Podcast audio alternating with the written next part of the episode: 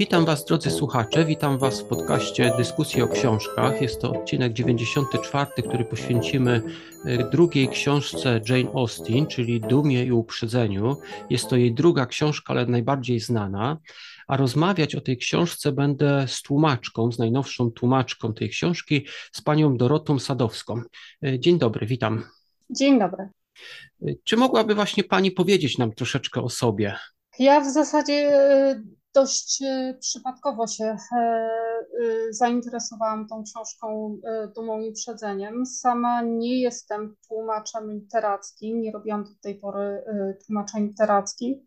Robiłam tłumaczenia o charakterze technicznym, i gdzie najistotniejszym było po prostu dokładne zrozumienie sensu danego pojęcia i dokładne przełożenie go na język docelowy. I w w zasadzie e, w podobny sposób właśnie zajęłam się e, tłumaczeniem dumy i uprzedzenia. Dla mnie to był najpierwszy kontakt z tą książką. Mhm. Bo w zasadzie, kiedy tak spojrzysz na te tłumaczenia, to to najbardziej popularne, które jest w Polsce, jest to tłumaczenie pani Anny Przedpełskiej, Trzeciakowskiej. Jest to tłumaczenie z 1956 roku, czyli ono ma już no, 70 lat prawie. język polski jednak się troszeczkę się zmienił od tamtego czasu, nie? Niektóre słowa użyte wtedy, 70 lat temu w języku polskim, dzisiaj troszeczkę już tak odeszły. Ja myślę, że pani Przedpełska swój język e, stylizowała e, również na e, język używany wcześniej, ponieważ, no wiadomo, książka jest z 1812 roku tak naprawdę. Natomiast jej tłumaczenie po prostu no, było też przystosowane jakby do y, grupy docelowej prawdopodobnie, dla jakiej przede wszystkim było przewidziane, czyli dla nastoletnich czytelniczek, jak podejrzewam. A oprócz tego, a może właśnie dlatego było, jak to się mówi, udomowione, czyli pewne nazwy, pewne pojęcia po prostu przystosowywała do języka polskiego, nie oddawała tak jak pojęć po prostu, czy nazw gier, w które y, tam ci ludzie grali, nazw powozów, jakich używali, tylko po prostu dostosowywała jakieś podobne polskie sformułowania, podobne polskie nazwy. W zasadzie i to jest właśnie ten, ten problem, o którym przed chwileczką pani mówiła, może nie problem, y, to jest ta różnica w tłumaczeniu, że tłumacz może robić coś bardzo dosłownie, czyli tłumaczyć najlepsze słowo, które oddaje to słowo z języka obcego, a może się skupiać może na frazach, czy nawet na całych ustępach i powiedzieć je w taki sposób, żeby były lepiej zrozumiane dla miejscowych ludzi, co na przykład tłumaczenie przysłów, że tak powiem, to angielskie przysłowie jest, że raining cats and dogs. Przetłumaczenie dosłownie na język polski trochę głupio brzmi, nie? że pada kotami i psami. No tak. Tak. Wspomniała Pani o właśnie o wydaniu tej książki, bo jest to druga powieść Jane Austen. Ona wszystkie swoje książki wydała w okresie regencji, chociaż pisała je prawdopodobnie dużo wcześniej. My rozmawialiśmy wcześniej na czacie o tym trochę, że prawdopodobnie ta powieść powstała początkowo w wersji tej epistolarnej, ale ponieważ to już wtedy stało się niemodne, prawdopodobnie ona zmieniła to, Jane Austen zmieniła to właśnie na powieść w takiej wersji, jaką my dzisiaj znamy i i ona została właśnie wydana w 1813 chyba właśnie jako druga tak. właśnie jej książka. I co, co, pa, co pani wie może o historii powstania tej książki? Mm, z tego, co mi wiadomo, to y, jest to jedna z młodzieńczych, oczywiście pierwotnie młodzieńczych powieści Jane Austen. E, jako pierwszy, znaczy jedna z wcześniej wydanych właśnie to było, miało być Elinor and Marianne. E, wydała ją jako Sense and Sensibility, czyli tłumaczę się na polski jako rozważna i romantyczna, czy rozsądek i romantyczność. Wydała w 1811 roku. Tamta powieść też miała być powieścią epistolarną i również ją zmieniała właśnie do wersji obecnie nam znanej. Natomiast jeżeli chodzi o dumę i uprzedzenie, początkowo miała mieć tytuł First Impressions, czyli pierwsze wrażenia. Prawdopodobnie została, znaczy prawie na pewno została napisana w 1796 roku. Wiadomo, że w 1797 roku ojciec e, Jane Austen, e, George Austen, e, wysłał rękopis tamtej powieści do wydawcy, mhm. który jednak tą powieść, tę powieść odrzucił. Ona wtedy też miała mieć właśnie formę epistolarną.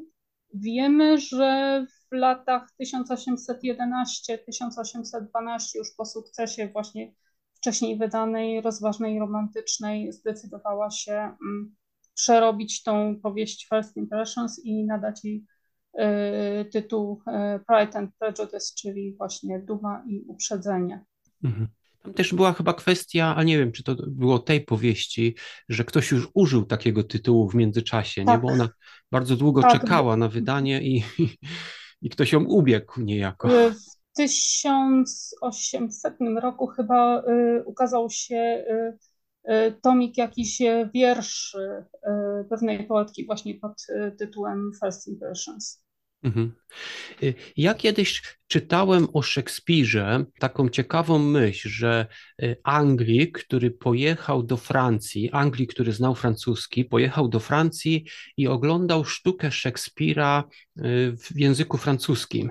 I on pierwszy raz ją zrozumiał, dlatego że ta sztuka tego Szekspira, ten Szekspir był przetłumaczony na mm, współczesny język francuski i ten Anglik, który znał Szekspira w tej wersji oryginalnej angielskiej, która no, ma już tam, nie wiem, 400 lat chyba, e, to pierwszy raz ją zrozumiał, bo posłuchał ją we współczesnym francuskim. I teraz, teraz Jane, z Jane Austen może nie jest aż tak wielki problem, bo ona powstała, tak jak mówimy, ta książka 1813 rok, czyli upłynęło 200 lat, ale mimo wszystko wydaje mi się, że współcześni Anglicy, czytając tą powieść, czytając wiele słów, Wydaje mi się, że oni chyba nie, do, nie rozumieją ich, bo jednak słowa przez 200 lat zmieniły swoje znaczenie. I y, bo my mówiliśmy trochę o tych tłumaczeniach, że na przykład pani Anna Przedpełska-Trzeciakowska w 56 przetłumaczyła tą książkę. Teraz pani tłumaczenie jest teraz to najnowsze My jednak mamy lepiej pod tym względem, bo Anglicy jednak nie mają y, tłumaczenia na współczesny język angielski tej powieści, bo to tak mm, dziwnie by było. To chyba podobnie by było, jakby ktoś mają. próbował Mickiewicza przetłumaczyć. Mają, mają, tak? mają. Jest, tak, tak, jest o, też. A to tego nie wiedziałem nawet.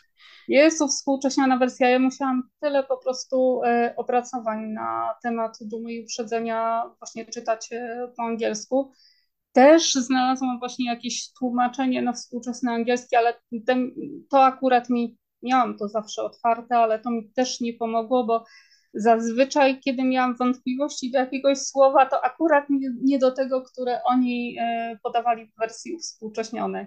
Ale mhm. jest, jest takie właśnie przybliżenie. Natomiast e, to, co mm, nie wydaje mi się, żeby Anglicy mieli e, problem ze zrozumieniem tej powieści to, co udało mi się zauważyć, jest mnóstwo miejsc, w których tłumacze z, róż, z, różnych e, języków, z różnych stron świata zadają właśnie pytania, um, jak rozumieć takie czy inne sformułowanie w e, dumie i uprzedzeniu. Mhm. I zawsze jest ktoś, kto jest to w stanie wytłumaczyć.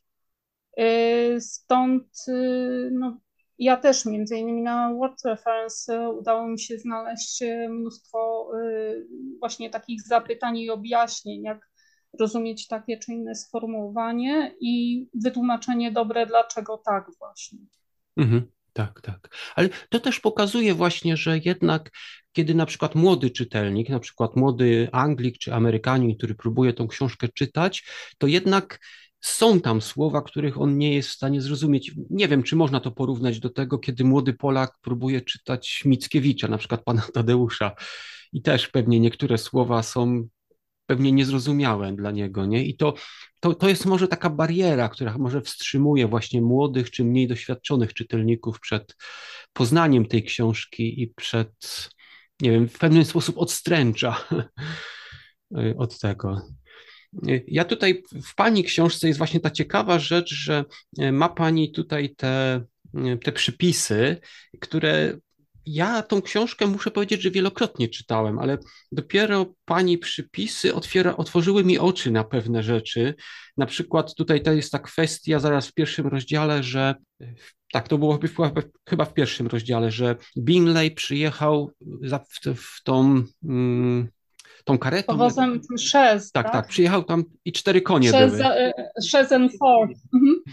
Mogłaby y- Pani to wyjaśnić naszym słuchaczom, dlaczego to ważne jest i o czym to świadczy? To znaczy, jeżeli chodzi o szezy, jest to e, rodzaj powozu e, dla trzech osób. E, zazwyczaj to był, lekki, to był lekki powóz. Początkowo mm, miał tylko dwa koła, później dodano mu dwa mniejsze jeszcze od frontu. Był zazwyczaj, zaprzęgano tam jednego, dwa konie i to wystarczało.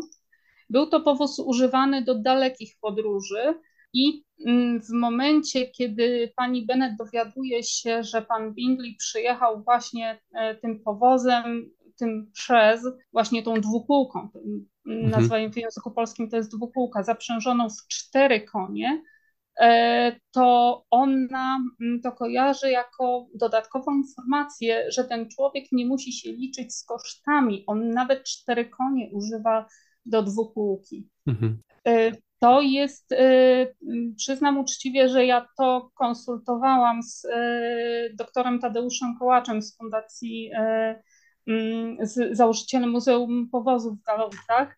Jego zdaniem mhm. z kolei to jest nadinterpretacja. On uważał, że Jane Austen po prostu użyła słowa z jakby zamiennie, po prostu jakby nazw, ogólną nazwę powozu. Mm, no, ale ja uznałam, że w wielu miejscach znalazłam właśnie i na forach, e, anglojęzycznych forach e, fanów Jane Austen, e, znalazłam wiele, w wielu miejscach po prostu właśnie to wyjaśnienie, że właśnie pani, pani Bennett dlatego zwróciła uwagę na majętność pana Bingleya, że dowiedziała się, była dla niej ta wskazówka, że on przyjechał właśnie tą dwukółką zaprzężoną w cztery konie.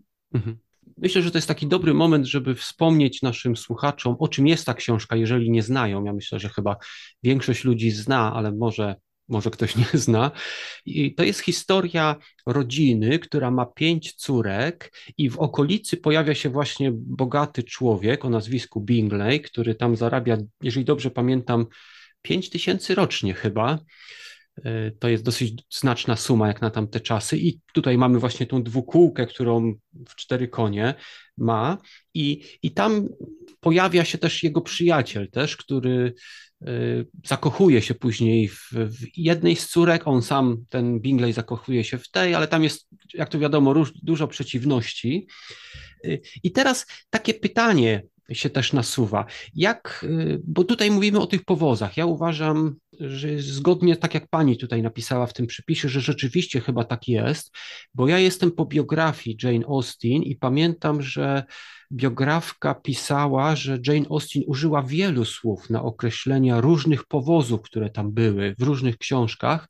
Tak więc wydaje mi się, że tutaj rzeczywiście chodziło tutaj konkretnie o dwukółkę, więc wydaje mi się, że ten, ten pani przypis tutaj dobrze mówi, ale teraz tak ogólnie patrząc na książkę, jak pani zdaniem właśnie te książki przedstawiają tamten okres? Czy dają nam taki, czy dobrze oddają realia tamtych czasów? Z tego, co zrozumiałam, e, to były czasy, kiedy mm, z jednej strony e, pojęcie warstwy społecznej było e, pojęciem bardzo istotnym, ale z drugiej strony Zdarzały się małżeństwa mieszane, znajomości mieszane, nie tylko szlachta między sobą, ale też właśnie z mieszczanami. I tutaj właśnie znajdujemy taką sytuację, zresztą kiedyś oglądałam chyba wywiad z Colinem Firtem, który e, odgrywał właśnie rolę pana Dossiego w jednej z Mm, chyba najbardziej znanych ekranizacji z 1995 roku. I on właśnie też wspominał o tym, że jeżeli chodzi o dumę i uprzedzenie, to jest też kwestia dumy i uprzedzeń stanowych, uprzedzeń mhm, społecznych, tak. wobec różnych warstw społecznych. Y, tutaj no, znajdujemy właśnie takie sytuacje, kiedy fakt, że ktoś ma, um, ktoś ma na przykład y, krewnych y, kupców, kupców jest formą dyskwalifikującą. W mhm. naszej polskiej literaturze to samo znajdziemy zresztą w lalce, gdzie tak. Wokulski, no, żeby, żeby móc wejść do towarzystwa do e, klasy arystokracji musi koniecznie sprzedać sklep, przestać być kupcem. Mhm. Co, co, co jest ciekawe, bo, bo właśnie w lalce Wokulski właśnie wyrzeka, że Anglicy to właśnie oni żenią się, arystokracja żeni się z kupcami i nie ma problemów, a tu jednak Jane Austen pokazuje, że to nie zawsze tak było, nie? Chociaż... Ale to y, różnica jest wielu dziesięciu lat, prawda? No tak, może rzeczywiście, bo to jest rzeczywiście chyba ze 100 lat później jest, także rzeczywiście on nie pisał o tych samych Anglikach. E, także to prawda jest, nie? Ale ten, to, to, to jest prawda. Zresztą sam Bingley, ja nie wiem, czy pani zwróciła uwagę na to, sam Bingley też pochodził właśnie z rodziny, która dorobiła się właśnie e, jakimś kupiectwem czy czymś mhm. innym i on właśnie chciał kupić, bo w tej chwili on wynajmował tam ten majątek, ale on ogólnie chciał kupić jakąś ziemię, bo dla, żeby stać się dżentelmenem, to należało nie pracować, czyli tak. mieć majątek, żeby ten majątek dawał pieniądze i żeby nie trzeba było pracować. Takie było znaczenie słowa gentleman w tamtych, mhm. w tamtych czasach. I Bingley w zasadzie miał być tym pierwszym z rodziny, który kupi majątek i potem kolejni jego potomkowie będą już dżentelmenami.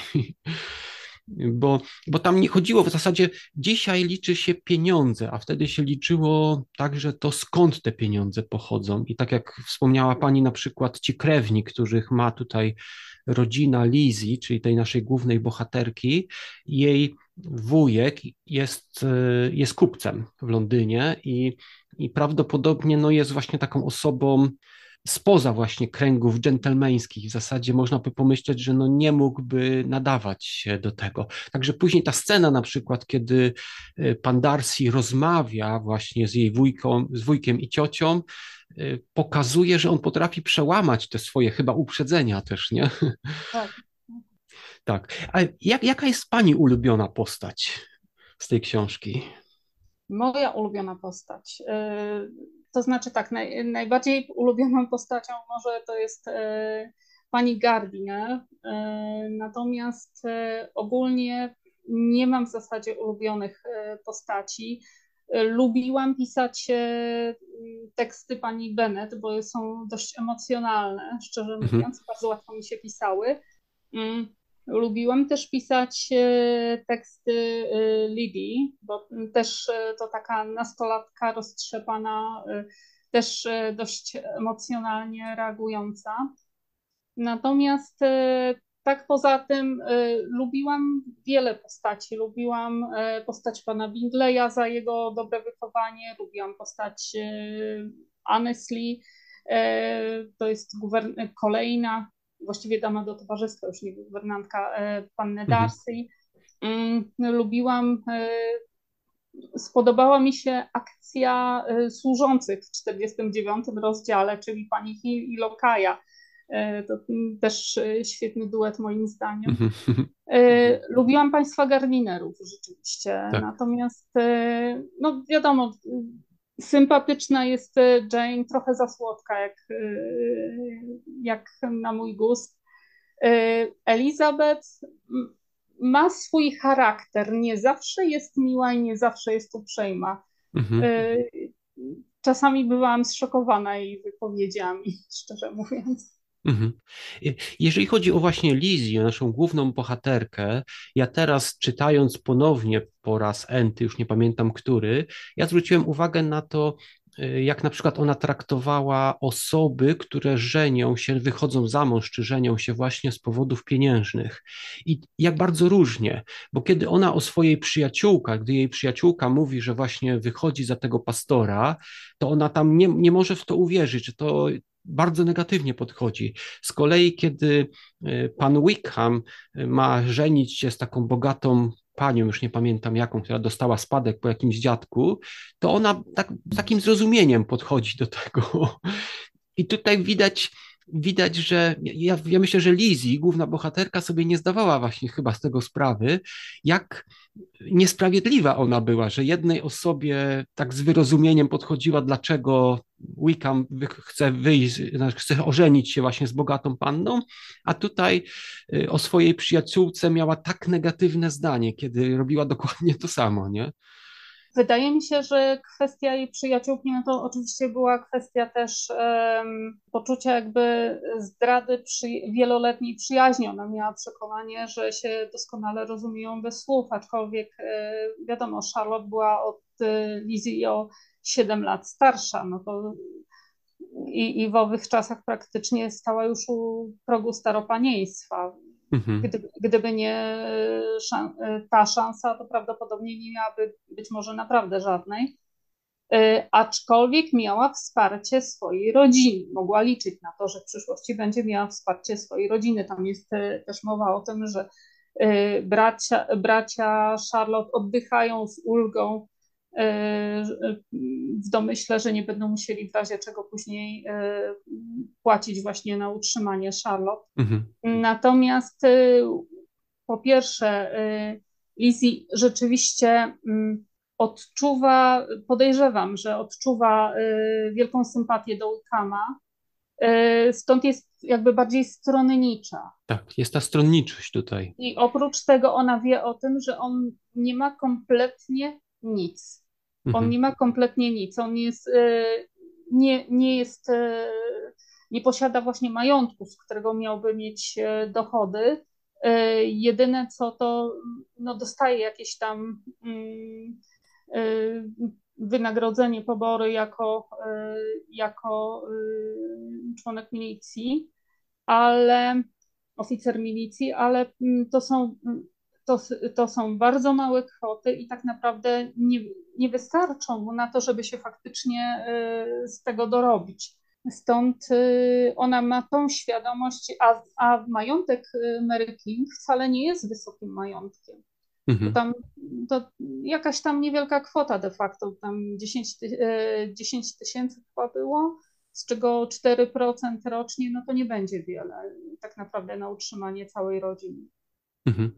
Y, sytuacja właśnie Charlotte przypomina troszeczkę sytuację samej Jane Austen, bo ona miała, jeżeli dobrze pamiętam, chyba sześciu braci i jedną siostrę, tam chyba ich ósemka była, jeżeli dobrze pamiętam, i ci bracia później po śmierci ojca Jane Austen, ci bracia właśnie dawali pieniądze dla matki właśnie i dla tych obu sióstr, dla, y, dla Jane, ale także dla Cassandry. I, I rzeczywiście sytuacja była inna, ale mimo wszystko sytuacja kobiet w tamtych czasach była w zasadzie bardzo trudna, bo trzeba sobie wyraźnie powiedzieć, że kobieta mogła albo wyjść za mąż, za bogatego męża i w ten sposób mieć majątek, albo mogła zostać guwernantką i w ten sposób zarabiać, i to chyba w zasadzie wszystko. Jane Austen zaczęła otwierać tą nową drogę, czyli pisać książki jeszcze. To jest taka jakby dodatkowa opcja, ale kobiety nie miały dużego wyboru, jeżeli chodzi o kwestię zarabiania na siebie w tamtych czasach. Na pewno nie, na pewno nie. Aczkolwiek e, Jane Austen nie była chyba pierwszą e, pisarką angielską. Tam były wcześniej e, panie, które też wydawały swoje książki. Mhm.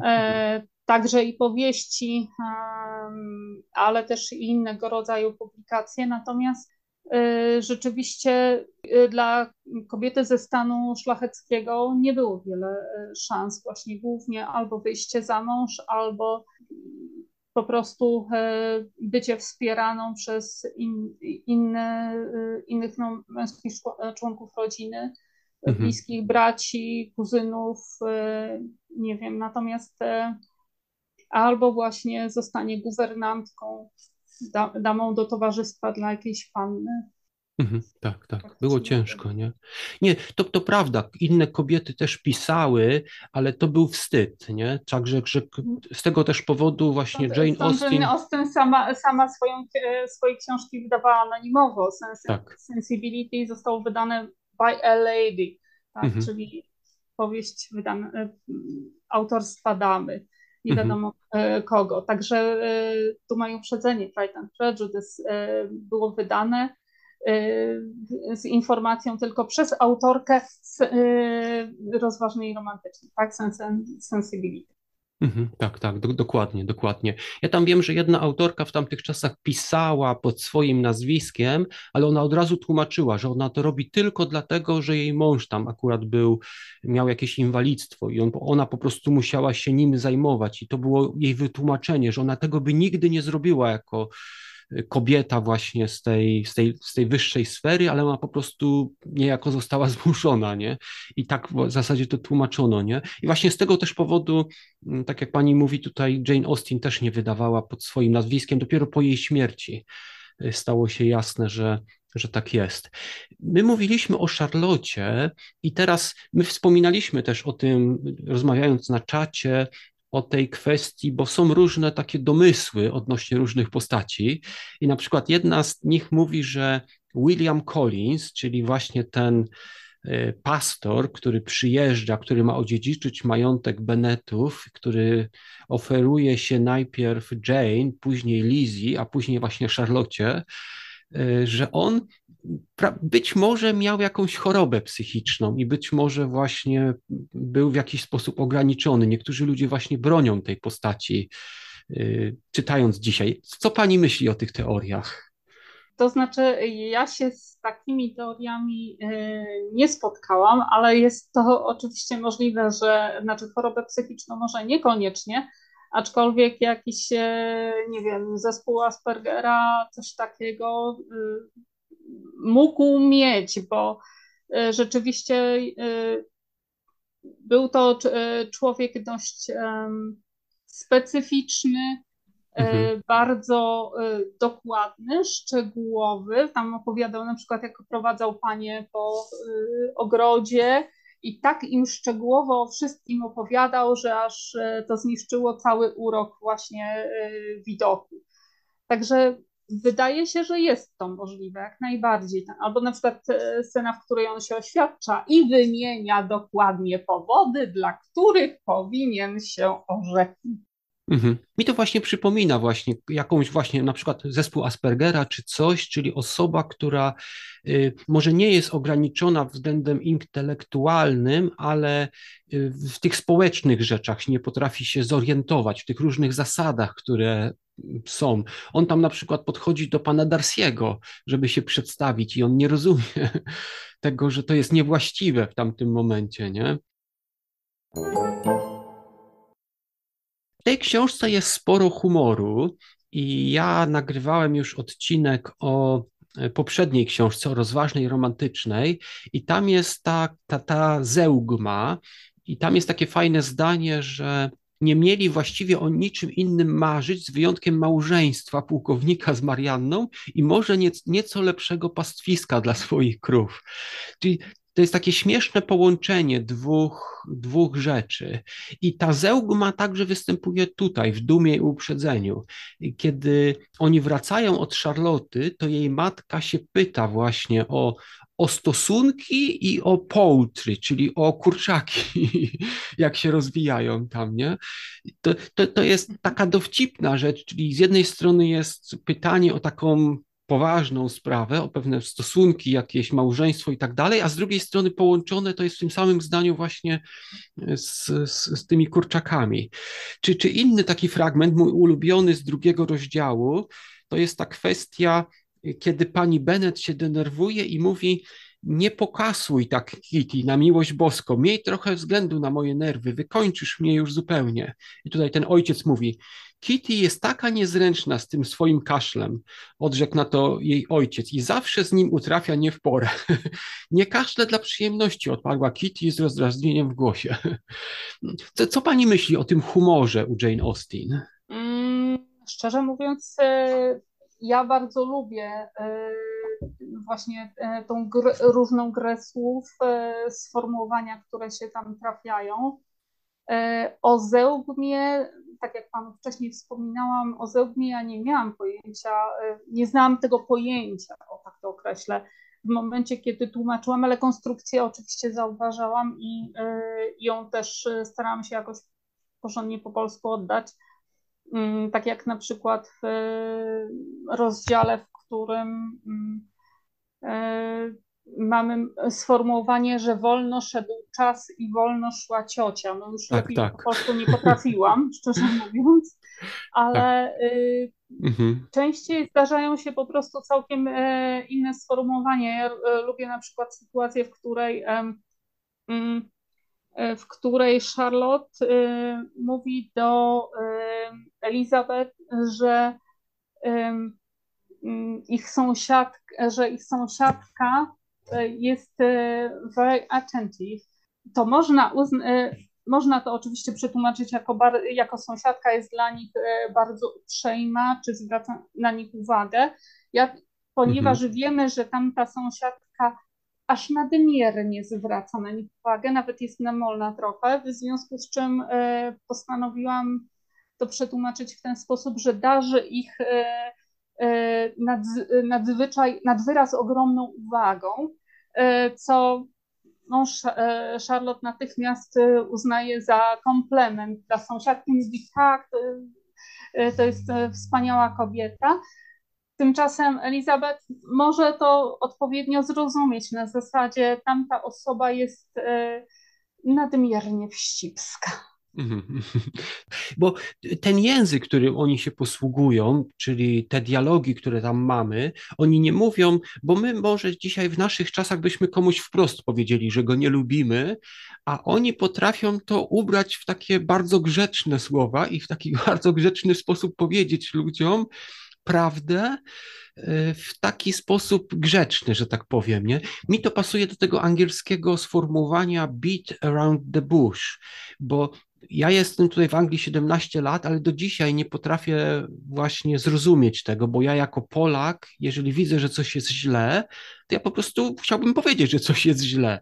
A Anglicy, no oni wolą tak naokoło podejść do kogoś, żeby go nie urazić, żeby tak, nie wiem, grzecznie mu y, przekazać coś. I to właśnie widać w tej, w tej powieści, w tej Jane Austen i chyba dalej widać tutaj wśród Anglików, mi się wydaje, nie? My troszeczkę wspominaliśmy już o tych adaptacjach filmowych. Ja pamiętam z czatu, że chyba właśnie ta forma serialowa jest Pani ulubioną adaptacją Dumy i, Uprzedzenia. E, tak, e, serial z 95 roku, serial BBC e, jest uważam najlepszy po prostu nie przekłamuje za bardzo książki. Um, jest, e, zresztą tam mamy piękne obrazy, piękne, odpowiednie stroje, e, świetnie dobranych aktorów, aczkolwiek jednak e, uważam, że przesadnie w stosunku mhm. do samej książki przerysowano postaci zarówno samej pani Bennett, jak i tych dwóch najmłodszych córek, czyli Kitty i Lidii. W książce i jednak Lidia, nawet Lidia, nawet Lidia jednak y, mm, szukała jakiegoś pretekstu, jeżeli nawet potrzebowała tak, y, zobaczyła na przykład y, któregoś z oficerów, swoich ulubionych oficerów w miasteczku Meryton, i potrzebowała prawie mu się napatoczyć e, przed nos, to jednak udała, że właśnie potrzebuje czego, coś znaleźć w sklepie naprzeciwko. I mhm. tylko tak przypadkiem właśnie weszła na trotuar, że, e, że akurat prawie przed nos tego człowieka. Także to, mm, to jednak, jednak jakiś pretekstów szukała, natomiast w ekranizacji to jest po prostu szaleństwo zupełnie bez E, żadnych e, zasad e, etykiety mhm. czy, czy dobrego wychowania po prostu. Mhm, tak, tak. Ja, jeżeli chodzi właśnie o te ekranizacje, ja bardzo lubię też właśnie ten serial BBC. Lubię też tą ekranizację, ta, ta najnowsza ekranizacja, która jest filmowa. Tyle, że ona jest troszeczkę za szybka, jednak serial daje więcej troszeczkę czasu. Właśnie Keira Kinley i mhm. Matthew mhm. Faden. Jest do, dobra, tyle że rzeczywiście oni tam strasznie szybko muszą mówić, za to tam muzyka mi się bardzo podoba. O co chciałem zapytać, bo w tych ekranizacjach ja widzę jeden szczególny błąd jest, bo w obu tych ekranizacjach pani Bennett jest dość stara, a z książki wynika, że to była w tamtym w okresie, kiedy się dzieje ta powieść, ta, ona była stosunkowo młodą kobietą, bo jak sobie policzymy, że Jane ma 20 y, chyba parę lat, małżeństwo trwa tam chyba 23 lata i je, jeżeli właśnie policzymy sobie, że być może ona miała nawet 16 lat, kiedy wyszła za pana Beneta. To jest tak w tej chwili kobietą około 40-letnią. I to y, podobnie, y, podobnie postarzone na przykład panią Gardiner, mhm. która y, jest kilka lat młodsza od y, pani Bennet i kilka lat młodsza od y, pani Phillips. Mhm. 15 lat temu wyjechała z Lampton możemy zakładać, że właśnie wtedy wychodziła za mąż, więc prawdopodobnie możemy założyć, że może mieć w tej chwili około 35 lat, a w, w obu ekraniz we wszystkich ekranizacjach, jak, jak mhm. widziałam, no to była po, po, prostu taka pani, no po 50 na pewno, a może i około 60. Mhm. Tak, tak, tak. Mi się wydaje, że to jest właśnie taka chyba największa... Chociaż, cho, chociaż przerwę panu, e, mhm. w, ekrani, e, w serialu BBC chyba z 1980 e, roku. Tam chyba była właśnie pani Gardiner młodszą osobą taką Mhm. Mhm. Tak, tak, tak. A widziała Pani też te wersje, takie filmy wzorowane na powieści, czyli takie, gdzie tam oddano. Szczególnie mi się bardzo podoba ta wersja hinduska, Bright and Prejudice z 2024 roku, gdzie cała historia jest przeniesiona do Indii. Mm, tak, oglądałam e, Bright and e, Prejudice z, z 2004. Mhm. Mhm, tak, tak. I, I, co pani myśli o tych wersjach, o tych, tam troszeczkę pozwolono sobie zmienić historię na przykład właśnie, żeby ją przenieść do Indii. Czy takie wersje też się pani podobają? E, jeżeli chodzi o tą wersję hinduską, ona zresztą jest e, bardzo kolorowa, z e, piękną muzyką. Mhm. Wydaje się, że dość udatnie przenieśli, że tak powiem, całą treść powieściową, przenieśli w swoje realia. Wydaje mi się, że to się, że tak powiem, trzyma kupy, mówiąc tak mhm. brzydko, ale, ale no po prostu na, sensownie to wygląda i, i, i ładnie. Ładnie, tak. Mhm. Wracając teraz do powieści już z powrotem, ja bardzo lubię kilka takich cytatów, mam takich ulubionych z tej książki, na przykład y, słowa błogosławieni, którzy nie mając nic do powiedzenia, nie ubierają tego w słowa. Y, czy ma Pani jakiś taki ulubiony cytat z książki? Mm, w moim tekście e, tego fragmentu nie ma. Z tego, co się zorientowałam, mm, w oryginale w tym miejscu jest e, keep your e, breath to e, cool your porridge, czyli dosłownie mówiąc, zachowaj swój oddech do ostudzenia swojej owsianki, ale ma to mhm. znaczenie takie jak zajmij się człowieku swoim własnym życiem, nie wtrąca się w sprawę innych. Więc ja po prostu, ponieważ tam było wspomnienie, że jest to powiedzenie, które każdy tutaj zna, mhm. więc poszukałam takiego powiedzenia w języku polskim, najbliższego treściowo i wyszło mi coś w rodzaju nie, nie wtykaj nosa, czy nie wściubiaj nosa w nie swoje sprawy. Mhm, mhm. Natomiast y, takiego y, sformułowania, jak Pan przytoczył, czyli błogosławieni y, ci, którzy nie mając nic do powiedzenia, nie ubierają tego słowa, wydaje mi się, że to jest tak naprawdę autorstwa pani Anny Przedpolskiej, Trzeciakowskiej, mhm. która po prostu no, wynalazła coś, co mm, będzie mogła później powiązać z pojęciem zachowania oddechu, bo później Elizabeth mówi, ja potrzebuję zachować, nic nie powiem, e, żeby zachować mój oddech, e, żeby dobrze wydźwięczały, wybrzmiały moje piosenki. Mm-hmm. A później, ma później piosenki y, śpiewać. Mm-hmm. Tak, tak. No, no to rzeczywiście, bo to, to wskazuje na to, że czasami tłumacze no zamiast tłumaczyć, to tworzą też, nie? To jest, nie, nie wiem właśnie, to jest właśnie to... No bo to nie było łatwe, rzeczywiście, ona, sytuacja jest taka, Elizabeth zauważa, że jej rozmowy są podsłuchiwane mhm. przez pana Darsiego.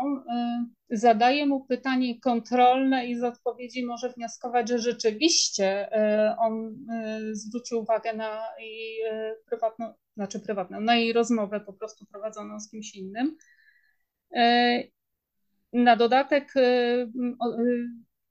odpowiedział wobec niej niepochlebnie, w związku z czym e, odpowiedziałam mu e, coś na zasadzie nie wtrąca się e, e, mhm. do rzeczy, które ciebie nie obchodzą, natomiast, e, natomiast czy ciebie nie dotyczą, natomiast równocześnie ponieważ była poproszona przez koleżankę, żeby zasiadła za chwilę przy fortepianie i grała i śpiewała, to musi to właśnie użyła tego sformułowania i y, przeszła od tego keep your breath y, y, do dalszej części. Rzeczywiście ja zachowam mój oddech, żeby wybrzmiały moje piosenki.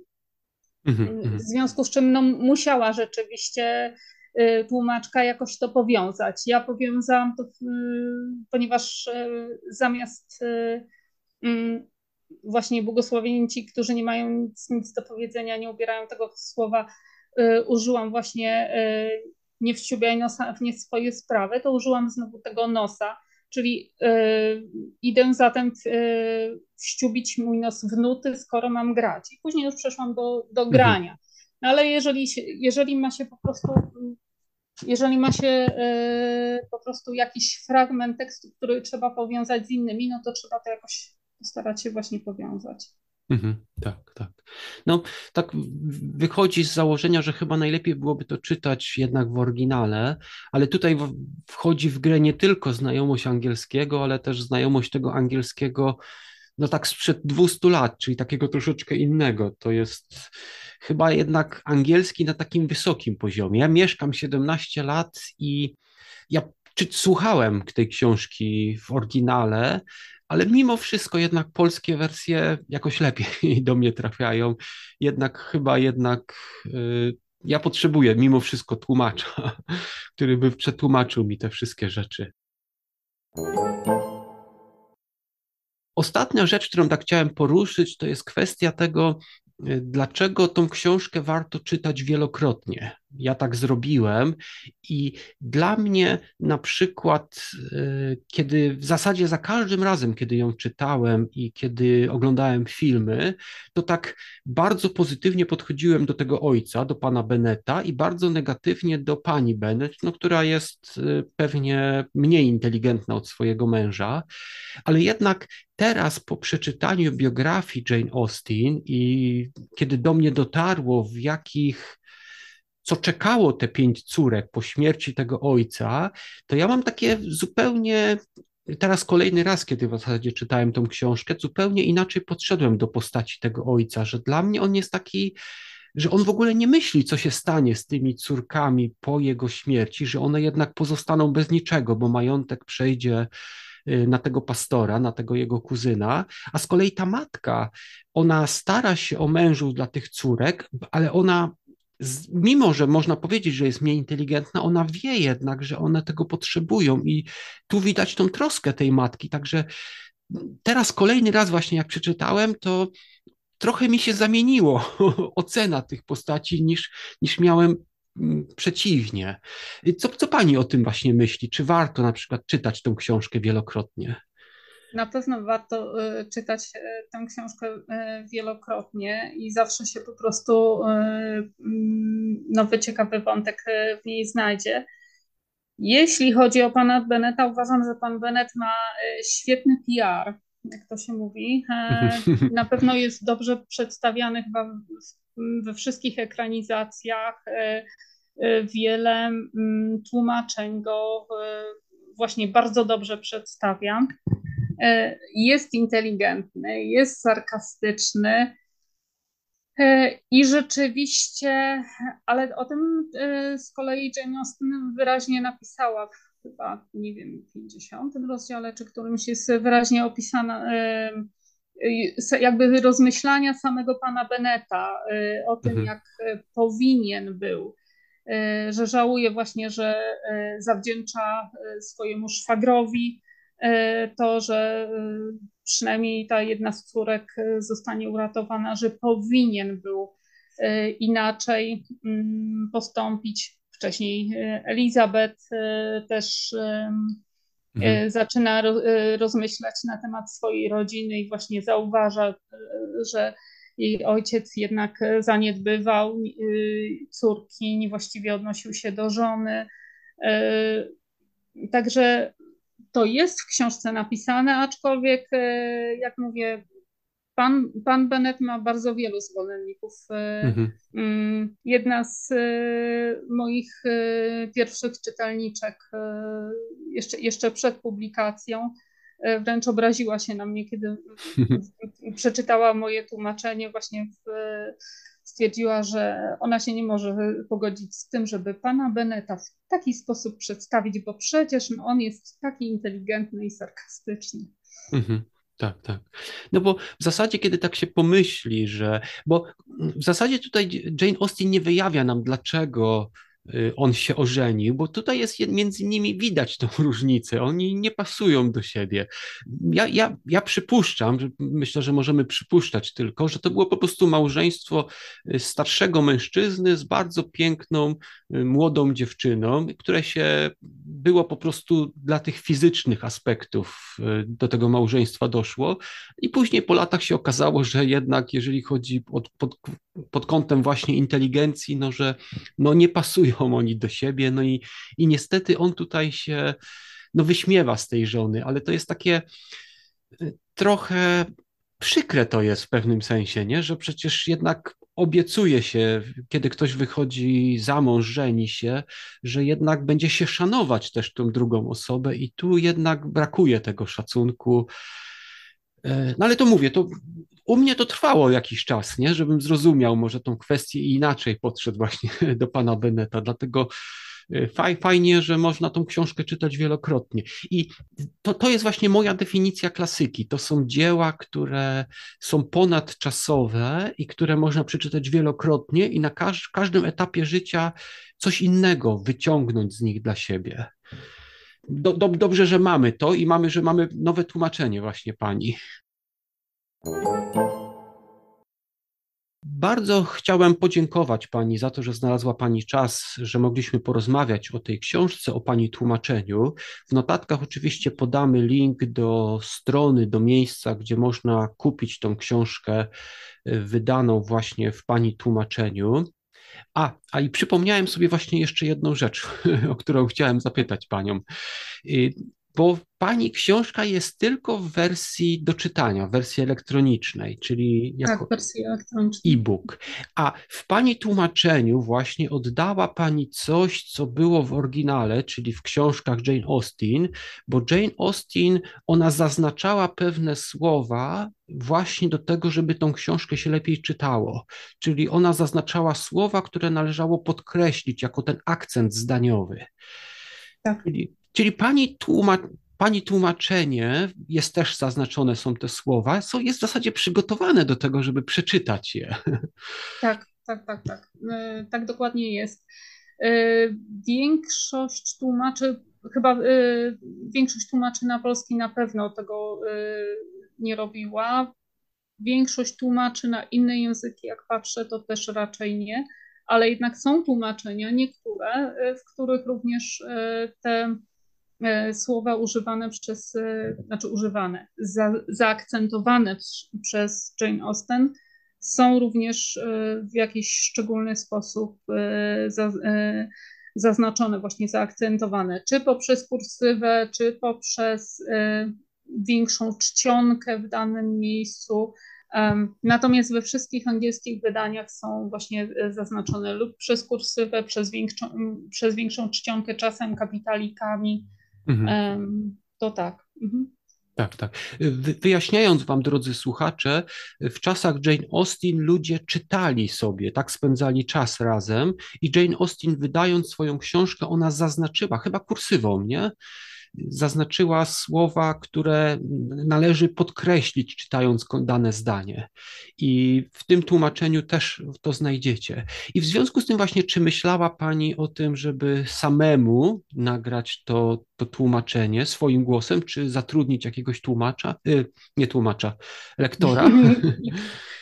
E, tak, zastanawiałam się nad tym, żeby e, wydać e, audiobook, ale to jest tak na razie w, we wstępnej fazie przygotowania. Mhm, tak. No dobrze, że sobie przypomniałem to na koniec. Dobrze. To jeszcze raz bardzo dziękuję Pani za, za czas poświęcony. Dziękuję. A Wam, drodzy słuchacze, bardzo dziękujemy za wysłuchanie nas do końca. Dziękuję.